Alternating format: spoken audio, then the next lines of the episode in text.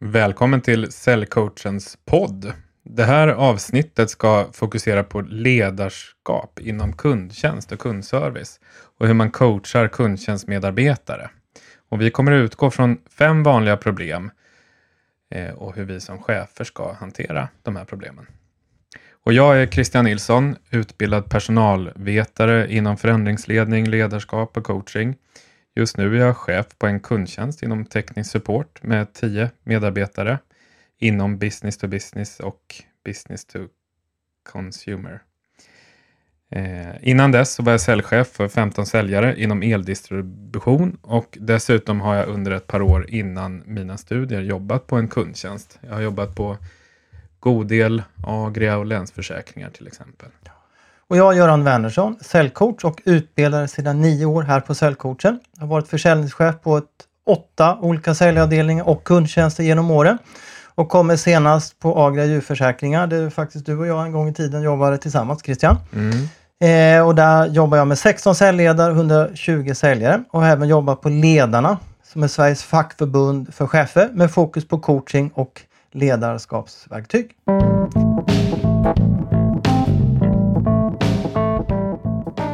Dagens ämne handlar om fem vanliga problem på kundtjänst och hur vi som chefer ska hantera dem. Eh, problem nummer ett. Medarbetare som varit med länge och är lite svårhanterade och lite tjuriga. Två. Knepigt att leda de yngre. Tre. Det blir lätt lite slentrian i verksamheten. Veckomötena blir tråkiga. Fyra. Kundtjänst vill inte gärna sälja. Och fem. Svårt att rekrytera rätt personal.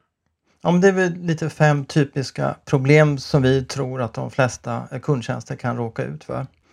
Och, och eh, om vi tar och börjar med den första punkten, medarbetare som har varit med lite längre och lite svårhanterliga. Och är ibland också lite gnälliga, lite tjuriga då. Men ändå bra att ha, vill jag ändå påstå och säga. Eh, och definitionen på att man har varit med länge, ja man kanske har varit, jobbat i tio år, längre än så. Eh, många fall som man har varit längre i tiden, chef, kundtjänstchefen. Man har tappat engagemanget sedan länge. Vad kan det vara mer? Definitionen på en gammal medarbetare. Ja, det, Även om de kanske bara är 30-35. ja, att man, det är lite allmänt gnälligt. Ja. Så det behöver ju inte just vara åldersrelaterat utan det är mer hur länge man har varit på just den här arbetsplatsen. ja. Och vad är man börjar, brukar tycka är lite dåligt och tråkigt? Vad kan det vara för något? Ja, men att det är fel i produkterna eller tjänsterna man säljer. Eh, till att fikabrödet inte är gott eller kaffemaskinen är dålig. Eh, ja, eller att man inte bryr sig överhuvudtaget. Eller att det är för mycket utveckling eller ingen utveckling alls. Mm, Till exempel. Så, så det är mycket som brukar, brukar vara fel. mm, Eh, och vi som har varit chefer, så eh, man blir lite lätt frustrerad, man vill ha en positiv skön känsla i kundtjänst och man Mm. vet oftast inte hur man ska hantera de här. Och det vanliga sättet att hantera på lite gnälliga medarbetare är att man försöker vara så himla positiv själv. mm. Och det kan resultera i det motsatta. Faktiskt. Mm. Och frågan är då hur man som chef ska göra för att få igång motivationen och inspirationen så att de äldre blir en tillgång för gruppen och inte en belastning. Samtidigt som man slipper må dåligt eller tycka att det är jobbigt som chef. För det handlar ju faktiskt om att ta tag i problemen och hitta olika typer av eh, verktyg eller sätt att göra det på. Ja, och det är mycket där det handlar om. eh, Sätt, eh, olika typer av sätt, olika typer av met met metoder vi ska prata om. Mm. Om, om, om, om, eh, om, om några metoder. Men vad som är viktigt här är att man faktiskt mår bra som chef även när arbetstiden är slut så att de inte hänger på en i minnet och sinnet eh, när arbetsdagen är slut. Och att man Jätteviktigt att man får de äldre och lite gnälligare eh, kundtjänstarbetarna att, att bli en tillgång. Då. Mm. Så, så, så, så vad är kärnpunkten i? Hur ska vi försöka vända om vi har sådana medarbetare? Vad är de två viktigaste punkterna där? Eh, Jag skulle först vilja säga att in, det som är ganska lätt ofta att tänka, det är ju att, att när man har en sån äldre, att man tänker att den här skulle behöva gå vidare och sluta här. Mm. Men oftast är det ju inte så lätt Nej. att göra sig av med Nej, någon. Så därför så skulle man ju behöva ta tag i det Mm. eh, på olika sätt. då. Men först och främst så handlar det om att börja coacha, verkligen göra det och med fokus på att få de här personerna att bli delaktiga och framförallt få bekräftelse. När de blir delaktiga så får de också Ja. bekräftelse. Eh, och, och, eh, det är extremt viktigt, framförallt för de som har varit med ett tag. Mm. Eh, om vi börjar med behovet att, att bli bekräftade, Göran, varför är det så himla viktigt?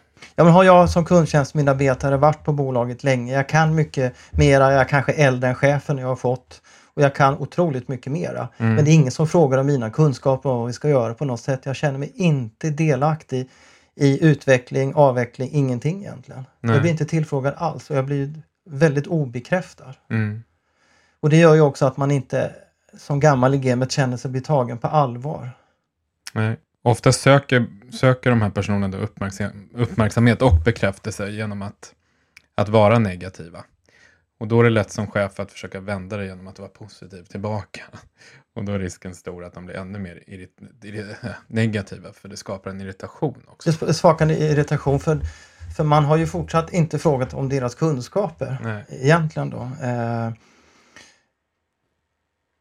och då, då, då är risken att det blir en eh, väldigt negativ eh, spiral helt enkelt. Då. Mm. Och med, med, med rätt... Men jag vill bara säga, Mm. just det här med, med det här gnället är så fruktansvärt tråkigt eh, i, i en grupp. Det förstör ju oftast hela sammanhållningen i en grupp och mötena blir tråkiga. Det känns många kanske tråkigt att gå till jobbet och gå till mötena. Och risken med det här gnället är att många andra blir gnälliga också. Så det Mm. är jätteviktigt att plocka bort det. Det kan förstöra en hel stämning i en hel Det grupp. skapar irritation i gruppen också. Ja, Man, och att folk börjar må dåligt helt Mm. enkelt. Då då. Och, och, och som du sa tidigare, lösningen är inte att låta dem gå fast man jättegärna vill det. nej. För det funkar inte riktigt så eh, med våra eh, lagar och regler. Och då är ju frågan hur ska vi jobba med dem? Vi har ju då pratat om bekräftelse och delaktiga och coaching. Mm. Men vi, vi, innan vi går in på själva metodiken där Christian. Det, du som har jobbat mycket med kundtjänst genom åren och, och, eh, läst på universitetet med inriktning mot utveckling och förändring. Om du ser på lite äldre medarbetare, vad, vad utmärker dem? Eh, har de något speciellt där eh, jämfört med andra grupper?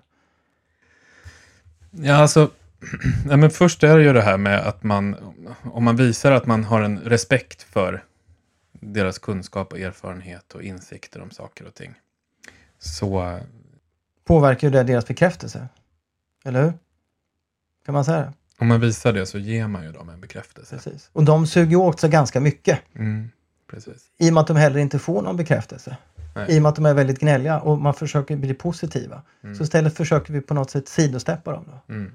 Så det, eh, det är faktiskt ganska kul att jobba eh, med de personerna för att de verkligen suger åt sig bekräftelse som de faktiskt aldrig, väldigt sällan får. Mm. Så det är jättespännande att jobba med bekräftelse då. Mm. Och jag skulle säga att gör man det, jobbar man med det, så kommer de också ta det du säger på väldigt stort allvar. Ja, för chefen är ju viktig för dem. Chefen är viktig. Eh, och det chefen säger och tycker är viktigt. Mm. Och det är därför man gnäller inför chefen. Mm. Även om man gör det inför andra också. Då. Mm. Så, så, så chefen är lite viktigare för den här gruppen. Faktiskt mycket viktigare än man kan tro. Då. Mm. Men jag skulle ändå vilja säga att det handlar till väldigt stor del om att de inte heller vill svika bolaget. Utan det är, bolaget, företaget är ännu viktigare än chefen. Ja, just det. Ja, absolut. Mm. Det, det kan jag hålla med om också.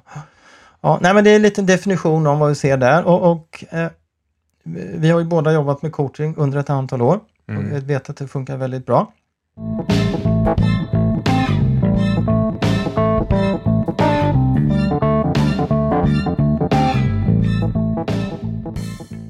Vi vill ge förslag på en metod hur man, hur man kan jobba med det här. Och det kan man göra i grupp och man kan göra det enskild. Det handlar ju då om coaching. Och den består utav fyra steg. Eh, och det första steget är problem. Vi ska alltså ta reda på gruppens problem eller den enskilda personen, vad den tycker det finns för problem i vår verksamhet. Steg nummer två är att eh, eh plocka fram en lösning. Steg nummer tre att vi ska välja lösning och steg nummer fyra vi ska sätta ett datum och vem som har ansvaret. Då. Men Christian, vi börjar eh, med det första steget. Det här med problem, det gillar ju folk att, att Mm. vältra sig i, inklusive jag själv många gånger. Eh, Varför ska vi börja på den och på vilket sätt börjar vi med den så att det ska, vi får Alltså- ut mest utav det? Ja, kör man på gruppnivå då, Ja, eh, då tycker jag att det är viktigt att man kör laget runt och låter alla prata och tycka till. För det handlar ju också om att man ska motverka det här skitsnacket som kan vara. ja, Det är viktigt. Och därför så, om man tvingar, eller vad ska jag säga, alla i gruppen att tycka till om vad det finns för problem, så, så, så får man upp dem till ytan ja, ordentligt. Alla får komma till. Och det är viktigt att man kör, eh, vi brukar köra det här laget runt så att alla får tycka till och kanske de som har lite extra mycket att tycka till om då, vi pratar lite om Mm. gnälliga här, de får Mm. prata lite extra kan Mm. jag tycka eh, just i de här sammanhangen. Mm. Men det är viktigt att alla får vara med och att man inte lägger några värderingar i att det är stort eller litet problem eller det är inget problem eller eh, och så vidare. Utan Mm. inga värderingar, inga negativa, nästan bara subjektivt lägga fram de här. Mm, precis. Så- Och, och nästa, eh, i, när man hittar de här problemen så är det jätteviktigt att det är de problemen som finns på vår avdelning. De som vi kan påverka. Ja, det är ju extremt viktigt för det är väldigt, väldigt lätt att hamna att man hamnar i systemproblem, styrelseproblem, Ja. till och med produktproblem, fel i tjänsterna, det är fel på webben, allting kan vara fel och då har vi suttit och pratat en halvtimme, en timme med sådana saker som vi inte kan påverka. Mm. Så vi brukar utgå ifrån när vi säger till gruppen eller till den enskilda medarbetaren sådana problem som vi, du och jag, kan Mm. lösa inom gruppen. Mm. Och då får man en väldigt bra, då får man otroligt konkreta problem. Mm. Men det är väldigt viktigt här också när man, när man ska försöka plocka fram i alla fall en grupps problem att man inte kommer med lösningar på en gång. Så, nej, nej, nej, nej, vi säger, nu kommer jag vara jättehård brukar jag säga som ledare. Mm. Utan nu ska vi bara plocka fram problemen, alla ska få prata men inga lösningar, de tar vi lite senare. Så upp med allting till ytan nu. Och ingen får tycka att den andra är dum eller konstig eller någonting, utan bara upp med dem där. Mm. Mm. Och innan man går vidare då så brukar vi också låta deltagarna prioritera eh, problemen. Mm. Och hur kan man göra det? Ja, alltså det, man skriver upp alla problemen på whiteboarden till exempel och sen så får man lista där och sätta prioriteringsordning.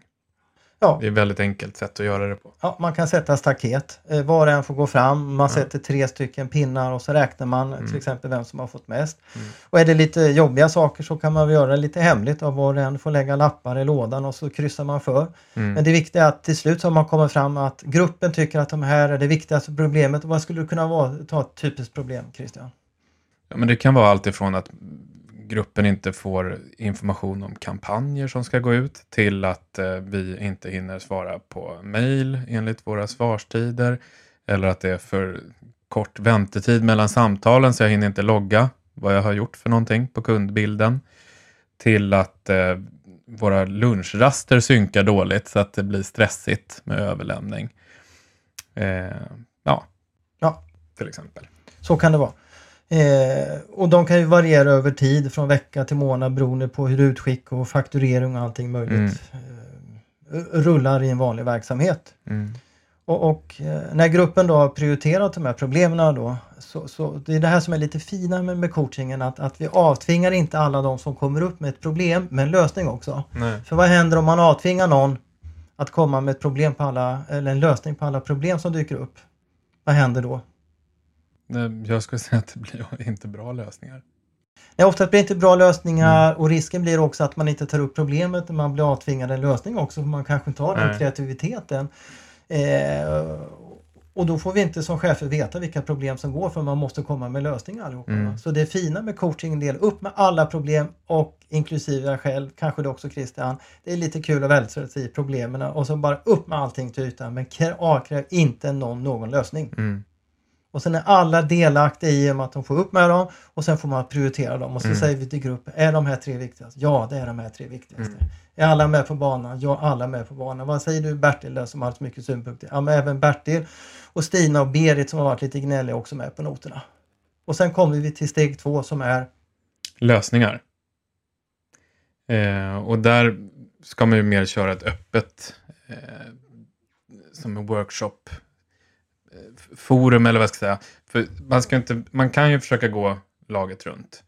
Men där ska vi ju inte avtvinga, precis som vi sa. Nej, det kan vara jättesvårt att hitta Mm. lösningar. Det kan vara enormt svåra lösningar. Och här är de viktigaste grupperna här, det är ju de som har mest kunskap. Mm, De som har varit med i tio år. ja, precis. Så hur kan vi använda dem i en sån här lösningsdel i själva coachingen? Jo, men de kan ju bli ansvariga för en, en grupp.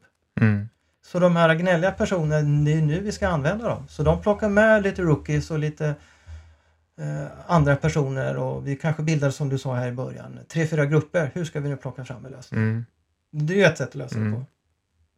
Absolut. Och vissa problem kan man lösa på fem minuter, andra kanske det tar en hel vecka. Mm. och så. Men principen är ju densamma. Mm. Eh, en, en, en, det här exemplet här som jag hade tidigare med att man inte får information i tid. Den tycker jag är väldigt vanlig inom kundservice. Ja. Och då är det lätt, när vi pratar om att vi ska ha sådana här problem som vi eh, löser själva på vår egen avdelning, så är det lätt att tycka att det är, det är ju inte vårt problem, det är de som De ska informera oss. de ska informera oss. Det är deras fel. Ja, och där, vad tycker du om det Göran? Är det så? Nej, men alltså här är ju ett jättebra exempel på hur man då, alltså, då det är ju en hyfsat enkel fråga, eller om man tar det i grupp och så säger nu plockar vi fram så många förslag hur vi kan lösa det här. Mm. Och då kanske någon säger så här, ja men vi skickar ett mejl till grupperna att de får informera oss. Kanske någon säger. Ja, och, och, och det kanske inte är världens bästa eh, det kanske inte är världens eh, bästa förslag då, men vi säger inte bra eller dåligt. Sen kan det dyka upp ett annat förslag att, att eh, vi bjuder in dem till vår kundtjänst till exempel. Mm. Ja, men det är också ett förslag. Ja, vad finns det mer förslag? Ja, vi kanske själva ska gå runt och träffa dem en gång i veckan. Säger någon. Ja, men då har vi Mm. ytterligare ett förslag. Och, och så säger någon vi tar upp det på ledningsnivå och så säger ja men det gör vi det också. Ingen säger varken bra eller dåligt. Ja till slut så har vi kommit på fem, sex lösningar. Mm. Och så säger vi till gruppen, då har vi totalt åtta lösningar. Vilken tycker ni är bäst? Mm. Säger vi. Och då får de på samma sätt som problemen kryssa för. Och, och så kommer man fram till, ja men vi, vi kanske ska besöka dem en gång i veckan med representant då, eller vad det nu kan vara. Och då är gruppen gemensam och då kanske Bertil då som har varit lite gnällig ska ta lite ansvaret för den Mm. och visa vägen och han blir extremt delaktig och får jättebekräftelse att gå runt till systemavdelningen och marknadsavdelningen till Mm. exempel. Och så får Bertil eller Stina redovisa det på nästa eh, möte till exempel. Mm. Eh, så det är ett sätt att jobba med, med lösningar. Då. Och, jag, och jag kan tycka det är jättekul att jobba när man jobbar i en grupp. Mm. Men man måste som chef vara ganska tydlig med att nu är det jag som går in och bestämmer vem som ska prata och ibland kommer jag vara ganska hård mot er här. Så lägg inga värderingar det utan alla ska få prata, alla ska få med, alla ska få vara delaktiga. Men jag kommer säga nu får du sluta prata och det är din tur. För nu har vi max 30 minuter på oss och, ni får och jag kommer gå in och bryta er om ni pratar för länge för annars hinner inte alla prata. Mm. Så jag är inte elak eller dum utan det är för att alla ska prata. Är ni överens om det säger man? Ja, säger de då. Då, då kan ni gå in och vara lite elaka och lite tuffa mot dem.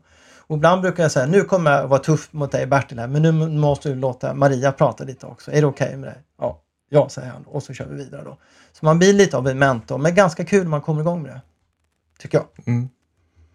Så det är några olika sätt att jobba eh, med lösningar på. Och Ja. sen kan man ju även jobba på individuell nivå då. Men det kan ju ibland vara lite svårare. Mm. Men lättare med dem som jobbar mest med mycket kunskap. Mm. Varför är det lättare att jobba med dem eh, och korta dem en och en här? Varför kan vi lättare avtvinga dem lösningar? De som har varit med lite längre, lite gnälliga. Varför kan vi eh, få dem att komma med lösningar? Jo, det är ju de som har varit med i verksamheten i 10-20 år. De sitter jättemycket kunskap, men det är ju aldrig någon som har frågat dem. Eller hur? Mm. Det är ju aldrig någon som har frågat dem förut och nu sitter vi i ett samtal och chefer med den som varit här 10-20 år så ställer de frågan och, och eh, Eh, Bertil kom, hur skulle du lösa den här? Har du några mer förslag? Några mer förslag? Så, så kan man jobba. Eller hur, hur, hur ser du på det Christian? Sitter vi individuellt då med, med de äldre så kan det här bli ännu starkare då. Det vill säga vi går ju ut efter de här fyra olika stegen. Man hittar problemen, lösningar, väljer lösning och sätter ett datum. Eh, de äldre sitter ju ofta inne med väldigt mycket svar och lösningar. Men det stora problemet har ju varit att det är aldrig någon som frågar. Och sitter man en och en med dem så får de ju 100% uppmärksamhet, 100% svar. Mm. Och det är ganska kul att jobba med de äldre för de har så mycket kunskap som man kan locka fram med hjälp av rätt frågor. Mm. Så vi som chefer ska ju försöka bli en fena på att ställa frågor för att locka fram det här och Ja. de kan inte låta bli att svara. Och så, och så känner man sig ganska nöjd. Ja, och Ja. får dem att känna sig viktiga. Och det blir de ju också för de sitter oftast inne med svaren. Och därför vill vi avsluta just den här delen då med att, att de äldre som varit med ett tag och som kommer upp med mycket problem och som man tycker är jobbigt som chef, eh, både in- individuellt och i grupp, så fyller de en jätteviktig funktion, nämligen att vi utvecklar de problem som finns. Då. Så, Mm. eh, nästan all utveckling utgår ju från problem som vi faktiskt har. Då. Så, så, så eh, ett tips till er som chefer försök att se eh, de här gnälliga kommentarerna och så som en chans till att utveckla verksamheten och ändå passa på att få de äldre att bli delaktiga och en tillgång till gruppen. Ja.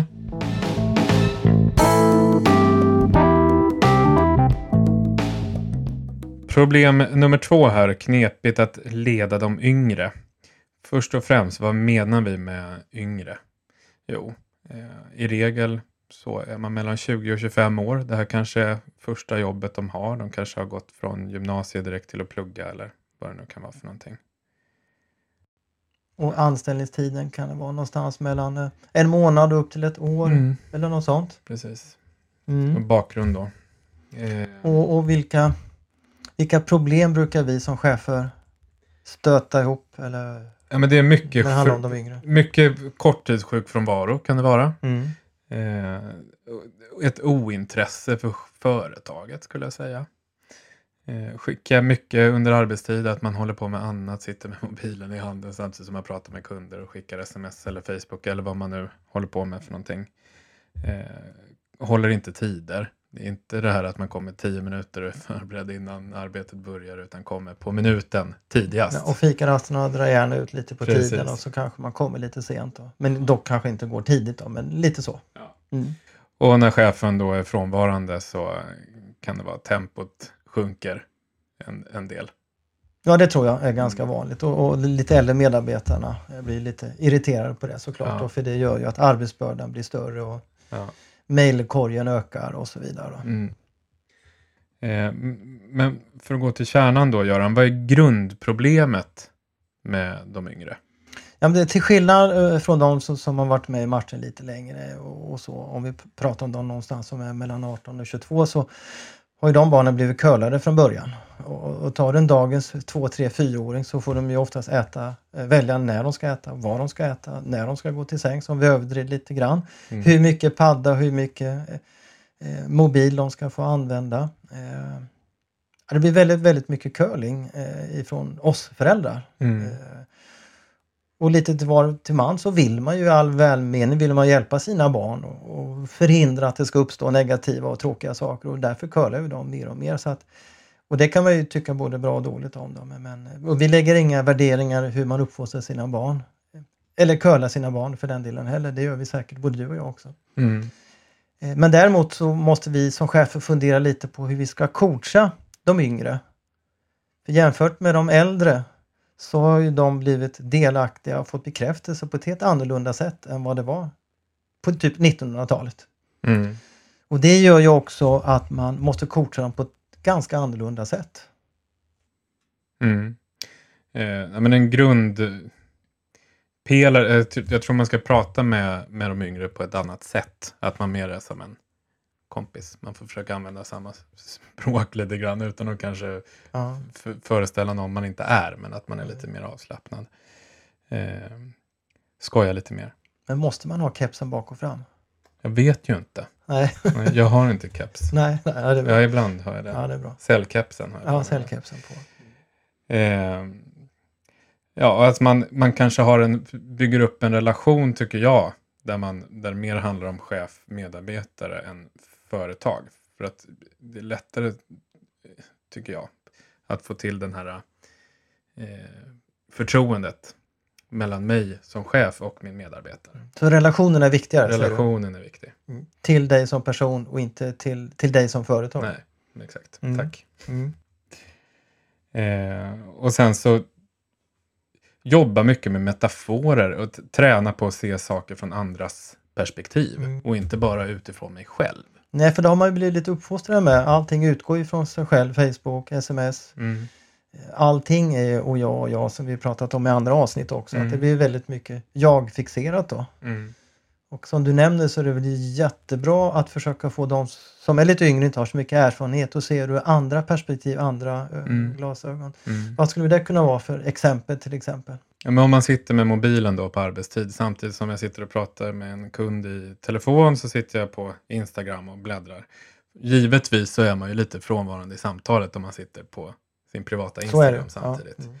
Mm. Eh, Men det kan vara svårt att förstå det.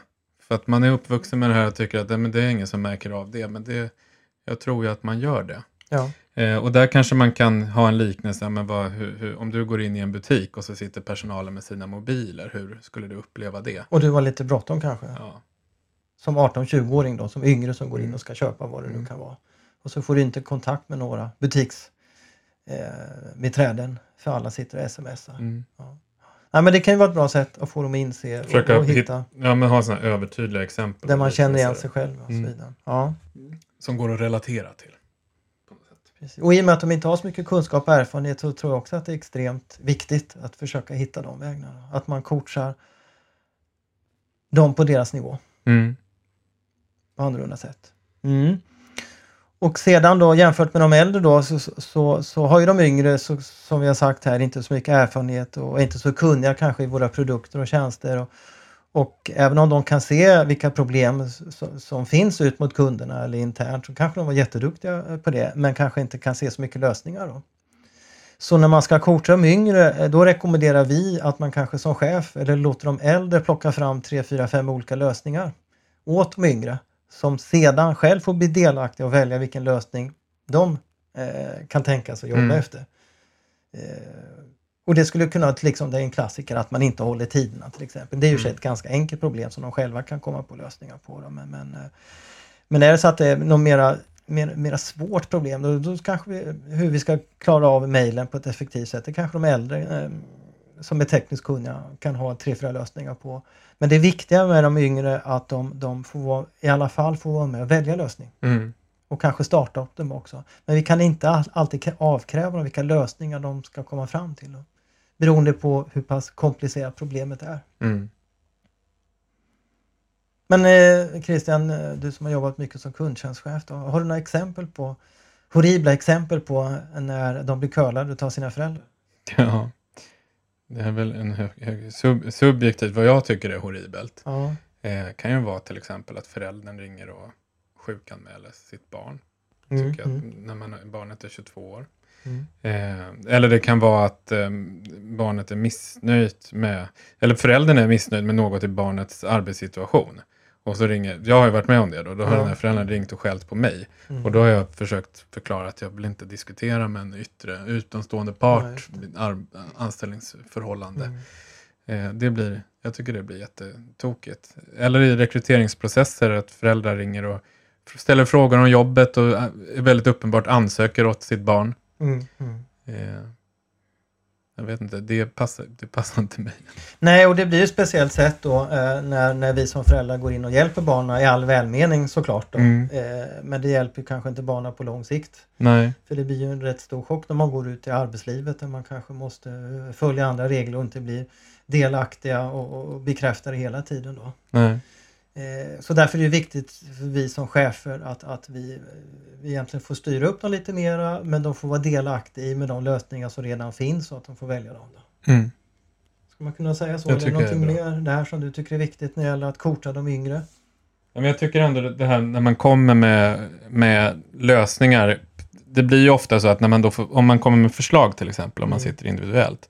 Så blir det ofta så att kommer du med, en, med lite förslag så blir det ganska lätt att få den här personen du coachar att känna att det är ens egen. Precis, och lite som vi brukar säga också att de kan få utveckla dem. Man kan ju komma med en lite halvdålig lösning Ja. så de själva kan utveckla Ja. lite grann.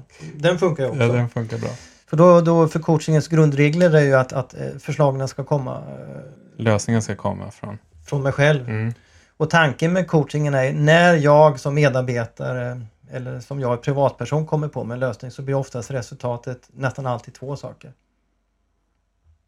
Det ena är att det går snabbare.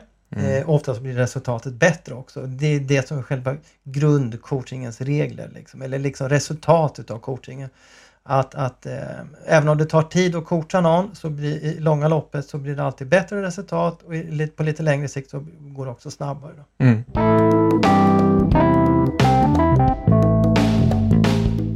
Och här kommer punkt nummer tre, slentrian i kundtjänstverksamheten. Eh, något som ofta glöms bort, det är att prata om vad man har för förväntningar på varandra.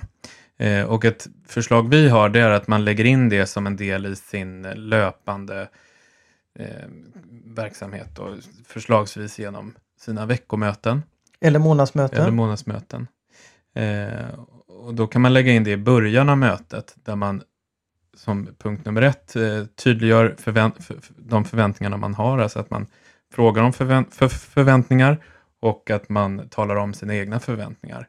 Eh, och sen försöker få gruppen att prioritera förväntningar och även slutligen då möjliggöra hur vi ska jobba med de här förväntningarna. Vad kan vi göra och vad kan vi inte göra? Mm. Och då ska vi veta att det handlar om förväntningar på vad vi själva kan påverka inom kundtjänstverksamheten mm. kommande vecka eller kommande månad. Mm. Och det här med förväntningar är ju väldigt viktigt i våra liv överhuvudtaget, både mm. som privatpersoner, som medarbetare, kollegor, kompisar och så vidare. Så varför är det här med förväntningar så viktigt egentligen som en grunddel i våra liv faktiskt? Ja, men ofta blir ju en, en relation blir ofta dålig för att man har olika förväntningar på, på relationen eller på hur man ska göra saker eller vad man vill till exempel. Nu, nu, jag har flyttat precis och min förväntan har varit att ja, men den där flytten får vi ta en månad medan min sambo tyckte att det ska ta en vecka.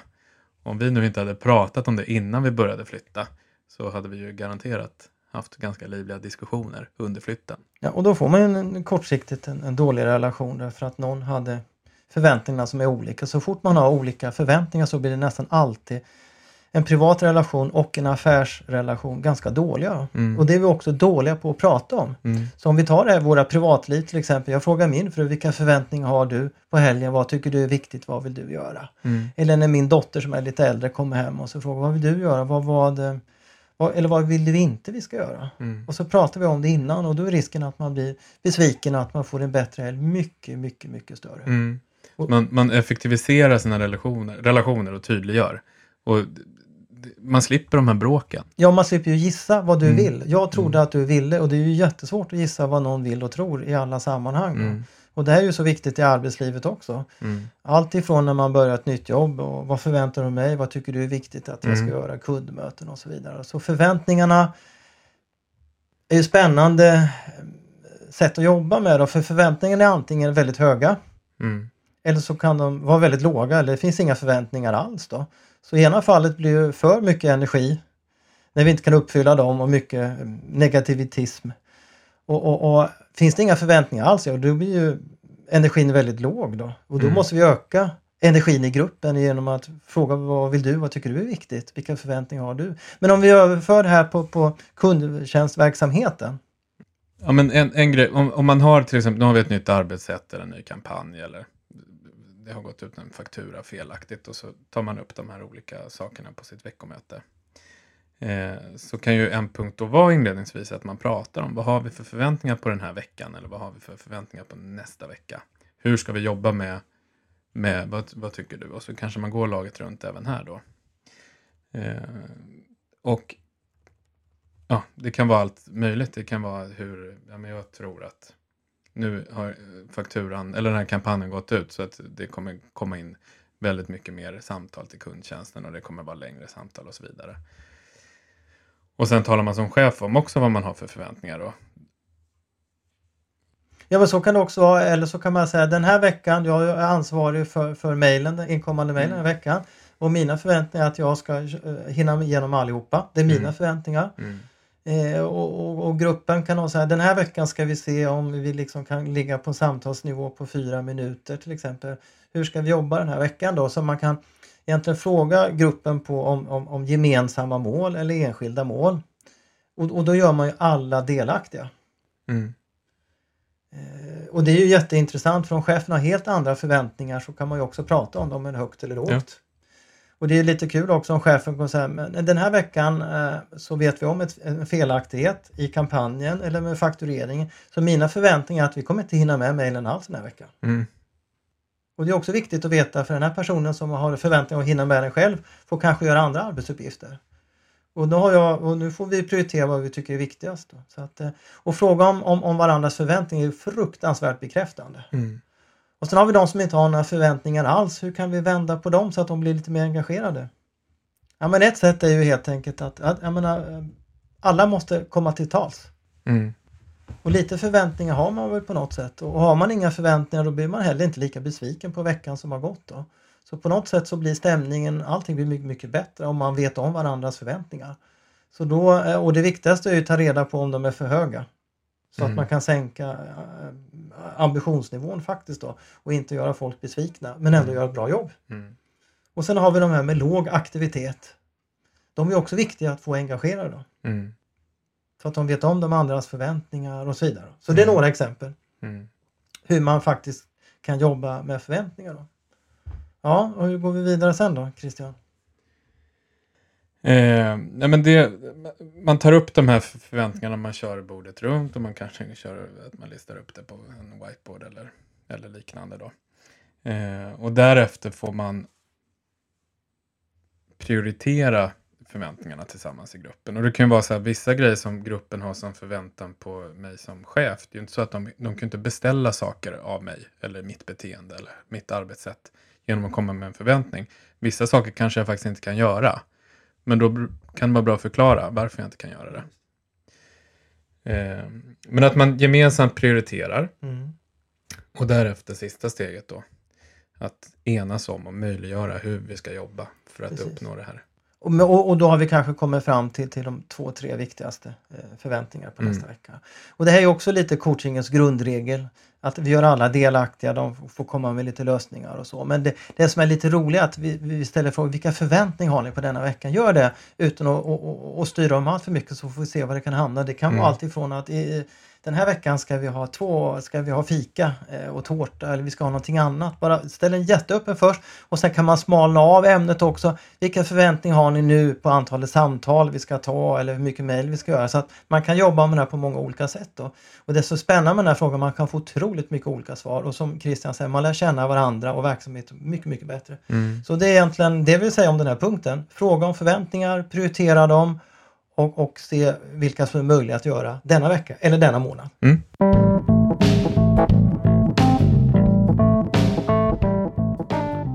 Punkt nummer fyra, kundtjänst som inte vill sälja. Och hur kan det komma sig egentligen?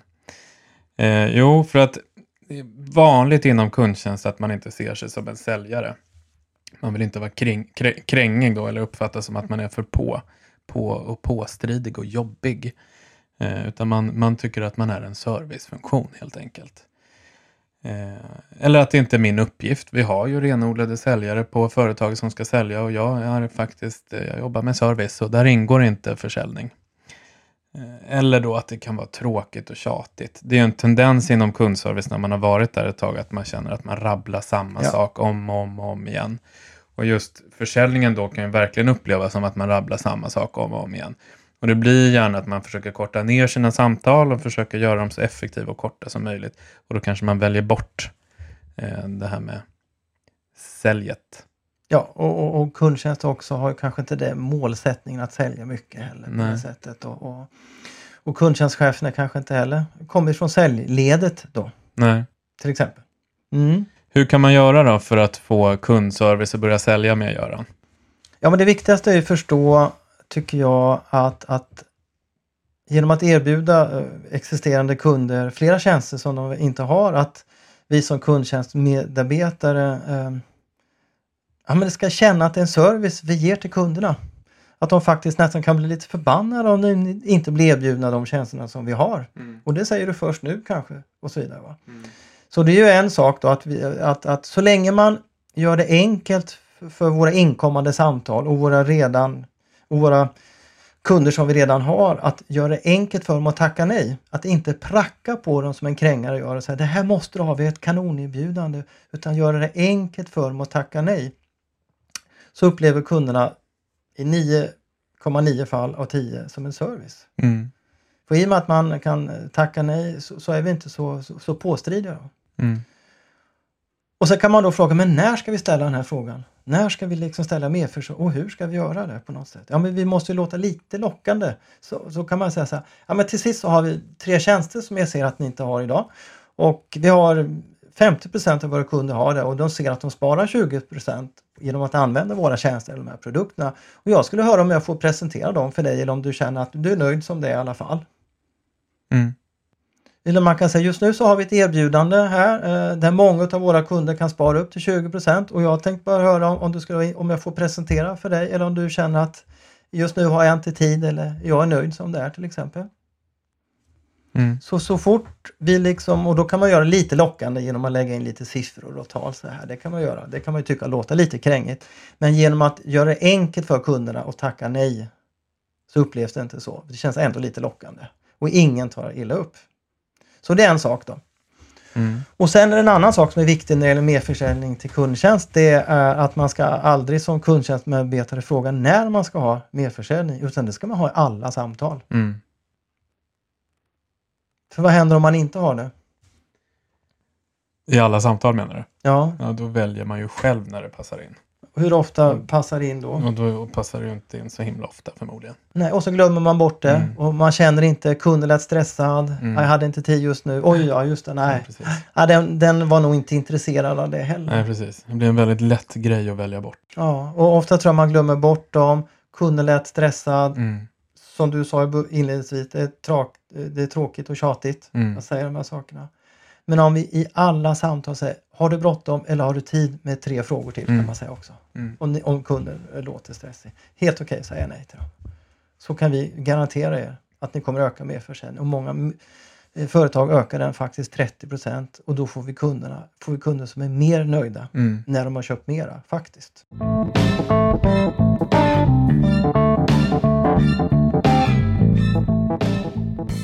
Femte och sista punkten här då. Eh, svårt att rekrytera rätt personal. Ja, men det brukar oftast vara svårt att hitta rätt kundtjänstpersonal och, och, och, många gånger så kan det bero på att man kanske saknar en plan och en strategi som chef och, och det hela brukar oftast börja med att man gör en annons. Mm. Och då kan man gärna ta en annons man hade förra gången och eh, är jag lite elak så säger jag så byter man bara kontaktperson och, och Mm. kanske telefonnummer men i övrigt ser den ganska likadan ut. Då.